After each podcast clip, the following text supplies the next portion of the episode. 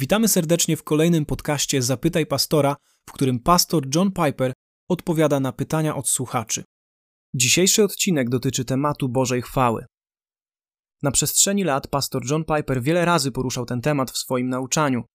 Dziś prezentujemy Wam fragment kazania pastora Johna Pipera z 17 grudnia 2006 roku pod tytułem Jemu niech będzie chwała na wieki, w którym stara się odpowiedzieć na pytanie, czym jest Boża chwała co mamy na myśli, kiedy mówimy o Bożej chwale.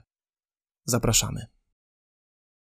Uważam, że definiowanie chwały Bożej jest niemożliwe, ponieważ przypomina ono bardziej słowo piękno niż słowo koszykówka. Jeżeli ktoś nigdy nie słyszał o koszykówce, nie wie, co to jest koszykówka i mówi: Zdefiniuj mi koszykówkę, to nie byłoby dla ciebie trudne. Używając także swoich rąk, powiedziałbyś: a więc jest to taki okrągły przedmiot ze skóry lub gumy, który ma około 25 lub 23 cm średnicy i który się pompuje.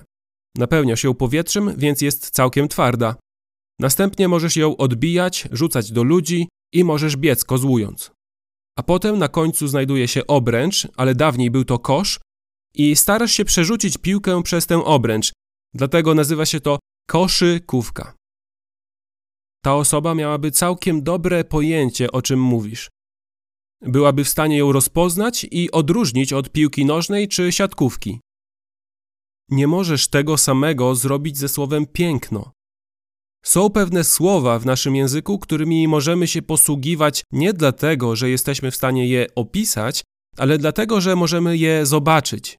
Możemy je wskazać, jeżeli razem wskażemy wystarczającą ilość rzeczy i powiemy to jest to, to jest to, to jest to, to możemy posiąść wspólne zrozumienie piękna.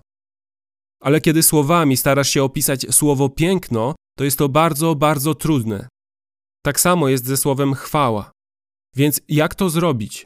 Musimy spróbować, ponieważ nie możemy po prostu tego zostawić, aby każdy sam sobie ustalił własne znaczenie tego słowa. Oto jak spróbuję tego dokonać. Wezmę to słowo i skontrastuję je w biblijny sposób ze słowem święty i zapytam, jaka jest różnica pomiędzy świętością Boga a chwałą Boga. W ten sposób myślę, że zaczniemy trochę lepiej rozumieć naturę tego terminu Boża chwała. W taki właśnie sposób spróbuję to zrobić. Myślę, że świętość Boga to bycie klasą samą w sobie, w swojej doskonałości, wielkości i wartości. Jego doskonałość, Jego wielkość i Jego wartość należą do tak odrębnej i oddzielnej kategorii, że jest on klasą samą w sobie. Nauczono nas, że słowo święty oznacza oddzielony. Ma nieskończoną doskonałość, nieskończoną wielkość i nieskończoną wartość. Jego świętość oznacza to, kim on jest jako Bóg i nikt inny nie jest jak on. Jego standardu doskonałości nie da się ulepszyć, nie da się imitować, nie da się porównać do niczego. Ona determinuje wszystko to, kim on jest i nie jest zdeterminowana przez nic poza nim. Jego świętość wyraża jego nieskończoną wartość, jego wewnętrzną, nieskończoną wartość. Kiedy w Izajasza 6:3 czytamy, że jeden anioł woła do drugiego: Święty, święty, Święty Pan zastępów.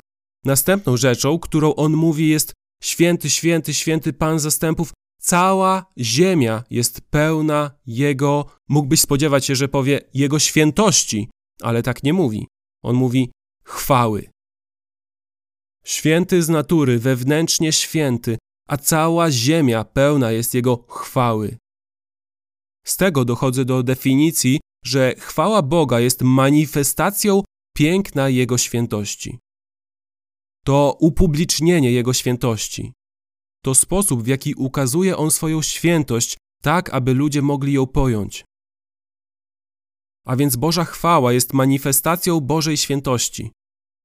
Posłuchajcie tych słów z Księgi Kapłańskiej 10:3. Bóg mówi, że okaże swoją świętość wśród tych, którzy się do Niego zbliżą i będzie uwielbiony przed całym ludem. Mówi: Będę uświęcony i będę uwielbiony przed całym ludem. Więc ujrzeć, pojmować, liczyć się z Jego świętością i w pewnym sensie dostrzegać ją, oznacza ujrzeć Jego chwałę, a tym samym uwielbić Go. Oto próba definicji. Chwałą Boga jest nieskończone piękno i wielkość różnorodnych doskonałości Boga. Skupiam się na manifestacji Jego charakteru, Jego wartości i Jego atrybutów. Wszystkie Jego doskonałości i Jego wielkość są piękne, kiedy są widoczne i jest ich wiele. Dlatego używam słowa różnorodne.